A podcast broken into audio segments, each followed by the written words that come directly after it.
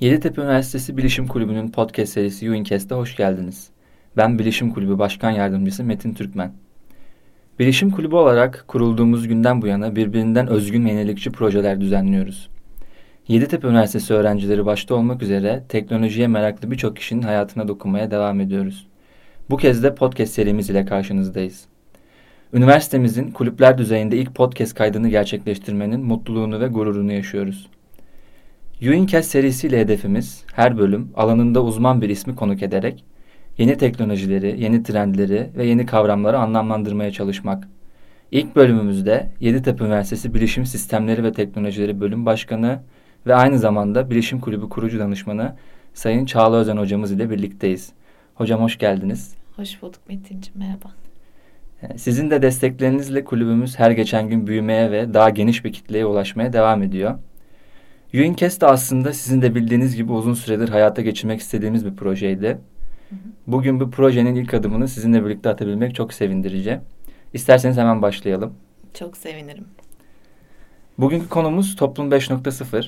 Aslında teknolojiyle iç içe olan herkesin bilmesi ve anlamaya çalışması gereken bir kavram Toplum 5.0. Özellikle günümüz çağı için de kritik önem taşıyor diyebiliriz. Bu noktada bize Toplum 5.0'ın kısa bir tanımını yaptıktan sonra neden herkes için önemli olduğundan bahseder misiniz? Tabii ki. Aslında toplum 5.0 e, kavramını anlatmadan önce biraz içinde bulunduğumuz dönemi, çağı anlamakta fayda var. Çünkü şu anda inanılmaz bir dönüşüm yaşıyoruz. E, bu dönüşüme verilen çeşitli isimler var. Rusya'da buna dijital ekonomi diyorlar. Almanya'da Endüstri 4.0 diyorlar. Amerika Birleşik Devletleri'nde Endüstriyel İnternet Konsürsiyumu diyorlar. E, içinde bulunduğumuz çağın da birçok adı var. Dijital çağ, siber çağ, bulut çağ, belki 20'den fazla e, ismi var. E, çoğu da işte yaşadığımız yıkıcı, dönüştü, tek, dönüştürücü teknolojilerin aslında vermiş olduğu isimler. E, yani içinde yaşadığımız çağ ne olursa olsun, ismi ne olursa olsun gelişimin çok hızlı olduğunu farkındayız ve bu gelişim çok hızlı olduğu için insan olarak buna aslında ayak uydurmakta çok zorlanıyoruz. E, işte toplum 5.0 tam da bu noktada karşımıza çıkıyor. En basit tanımıyla toplum 5.0'ı teknolojinin toplum tarafından bir tehdit değil de bir yardımcı olarak algılanması gerektiği görüşünü savunan bir felsefe olarak açıklayabiliriz. E, toplumun teknolojiyi içselleştirmeye çalışmasına yardım etmeye çalışıyoruz aslında bu felsefeyle. E, Japonya'dan çıkmış bir felsefedir. Yaşadığımız dönüşümü e, Japonya karşılaştığı zorlukları baz alarak daha kapsamlı bir strateji olan Toplum 5.0 konseptiyle başlıklandırdı. Ee, ilk kez 2016 yılında Japon hükümeti hem Japon hem de küresel ekonominin sürdürülebilir kalkınmasını engelleyen ve toplumu olumsuz olarak etkileyen temel sorunları ana hatlarıyla masaya koydu.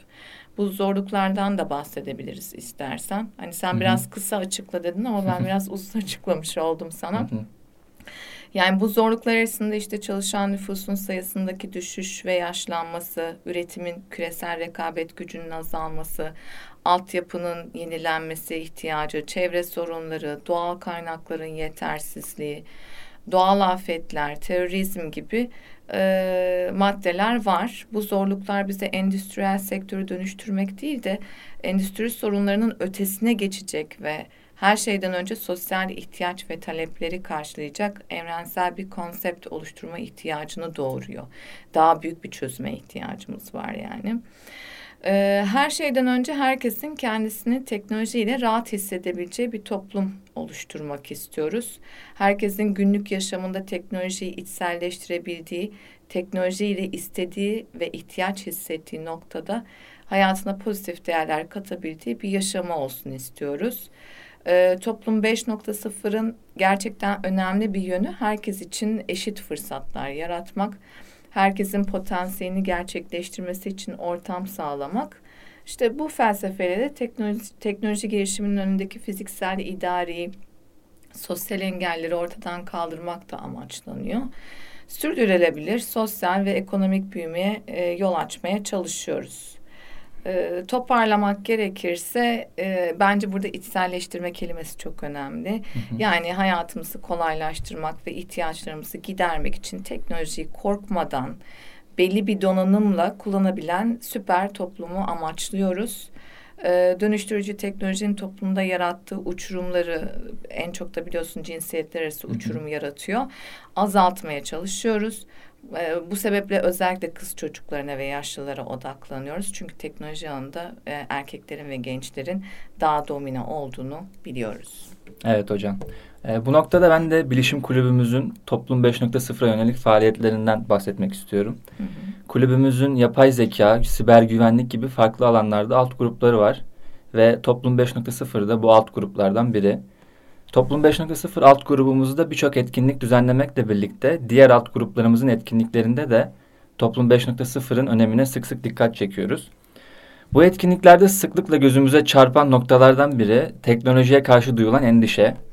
Ee, şahsen bu endişenin kaynağını popüler kültürün bir, bir nevi dayatması olarak görüyorum ama rica etsem siz de teknolojiyle iç içe yaşamanın bizi neden korkutmaması gerektiğini açıklar mısınız? Açıklamaya çalışayım. Dediğin çok doğru. İnsanların yerini distopik bir kabus gibi makinelerin almasıyla ilgili bir öngörü var.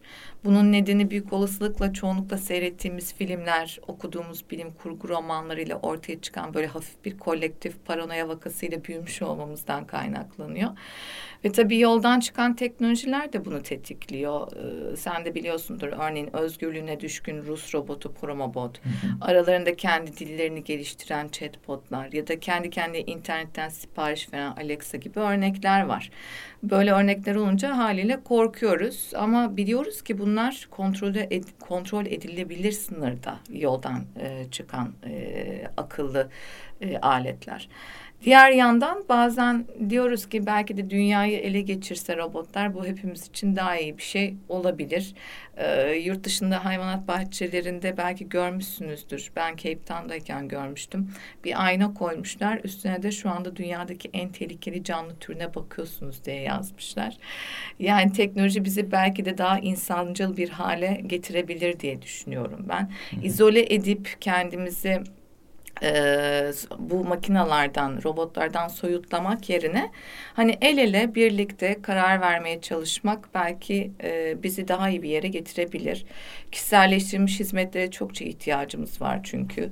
Böyle aç gözlülük, zulmi ve güç arzusuyla insanlar gibi davranan yapay zekalar olabileceğini zannediyoruz ama aslında bu alandaki çalışmalar henüz çok yolun başında. Yani kontrol edilemeyen yapay zeka, zekaların e, bir gün olması e, şu an için uzakta.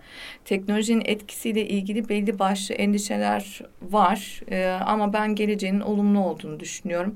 E, biliyorsun hani nesnelerin interneti dersimiz var. Daha bilinçli kararlar alabiliriz. Büyük hacim, hacimli verilere erişmemizi sağlıyor bu yıkıcı teknoloji çünkü. Diğer taraftan yapay zeka işte işimizin yerini almaktan ziyade bizi daha da özgürleştirebilir. Bizi tekrar eden görevlerden kurtarabilir. Yaratıcı ve stratejik faaliyetlere odaklanmamıza izin verebilir. Ee, yani aslında gerçekten endişelenmemiz gereken şey bu yeni teknolojileri güvence altına almak, güvenliğini sağlamak. Ee, hiper bağlantılı bir toplumda hayati kararları daha güvenle alabileceğimiz bir gerçek. Yani kendini park eden ve bize tavsiyede bulunan arabalar hangi yiyeceklerin en taze olduğunu gösteren buzdolapları e, gibi örnekler bizim hayatımıza tehdit oluşturmaz. Bizim hayatımızı daha da kolaylaştırır çünkü. Evet hocam. E, yani bütün bu konuştuklarımız ışığında endişe etsek de etmesek de toplum 5.0 dünyasında yaşamayı ve toplum 5.0 kavramını daha iyi anlamayı öğrenmeliyiz diyebiliriz. Tabii. Peki son olarak toplum 5.0'ın geleceği hakkında neyi öngörebiliriz hocam? Toplumda yeni tabakaların oluştuğu bir gelecekten söz edebilir miyiz? Şimdi ekonomi geliştikçe insanların yaşamları daha rahat hale geliyor. Enerji ve gıda talebi artıyor. Ortalama yaşam süresi uzuyor, insanlar yaşlanıyor. Ek olarak ekonomik küreselleşme ilerledi, uluslararası rekabet yoğunlaştı. Değişik bir dönemden geçiyoruz zaten. Ee, bugün bugün servet yoğunlaşması ve bölgesel işsizlik gibi sorunlarımız var. Bu ekonomik gelişmelerle çelişen e, çözüm bekleyen sosyal sorunlarımız daha da karmaşık hale getiriyor. Örneğin sera gazı emisyonlarının azaltılması, işte gıda üretiminin ve kaybının artması, yaşlanma ile ilgili sosyal maliyetler bunlar daha da karmaşık hale geldi. Sürdürülebilir sanayileşmeye, refah yeniden tahsisine e, ve eşitsizlikleri azaltmaya çok ihtiyacımız var. E, toplum 5.0 bu tip sorunları ortadan kaldırmayı hedefliyor. O yüzden bu e, felsefi destekleyen sayısının gitgide hatta hızla artacağını düşünüyorum ben. Önceden de bahsettiğim gibi tabii bu mutlaka lokalize etmek lazım, ülkemize uyarlamak lazım. Bununla birlikte mevcut sosyal sistemde e, hem ekonomik kalkınmayı sağlamak hem de sosyal sorunların çözümünü sağlamak temel hedefler arasında her zaman e, toplum 5.0'da. E, her zaman toplumun gerisinde kalan bir kesim var. Bizim amacımız ilk bu kesimi bilinçlen, bilinçlendirerek hani kademeli olarak ilerlemeyi sağlamak.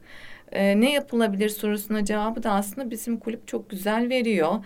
E, bu, bu toplumda teknoloji okur yazarlığı yüksek bir kesimiz biz. Teknoloji okur yazar, yazarlığı eşitliğini sağlamak adına eğitimler e, veriyor öğrencilerimiz e, biliyorsun. E, kulübümüz ilkokul ve ortaokul öğrencilerine programlamaya giriş tarzına temel Python eğitimleri veriyor. Ben açıkçası üniversitemizin ve öğrencilerimizin süper akıllı toplum yolunda bu kadar farkındalığı olmasından son derece gurur duyuyorum. Bu felsefeyi de hizmet etmesinden de son derece gurur duyuyorum. Hocam çok teşekkür ederiz vaktinizi ayırdığınız için. Çok Rica keyifli ve bilgilendirici bir podcast olduğunu düşünüyorum. Benim için de keyifli aktardığım konular. Çok teşekkürler. Umarım dinleyicilerimiz de bizimle aynı düşünceleri paylaşıyordur. Bizi dinlediğiniz için teşekkür ederiz. Bir sonraki podcast bölümümüzde görüşmek üzere. Hoşçakalın.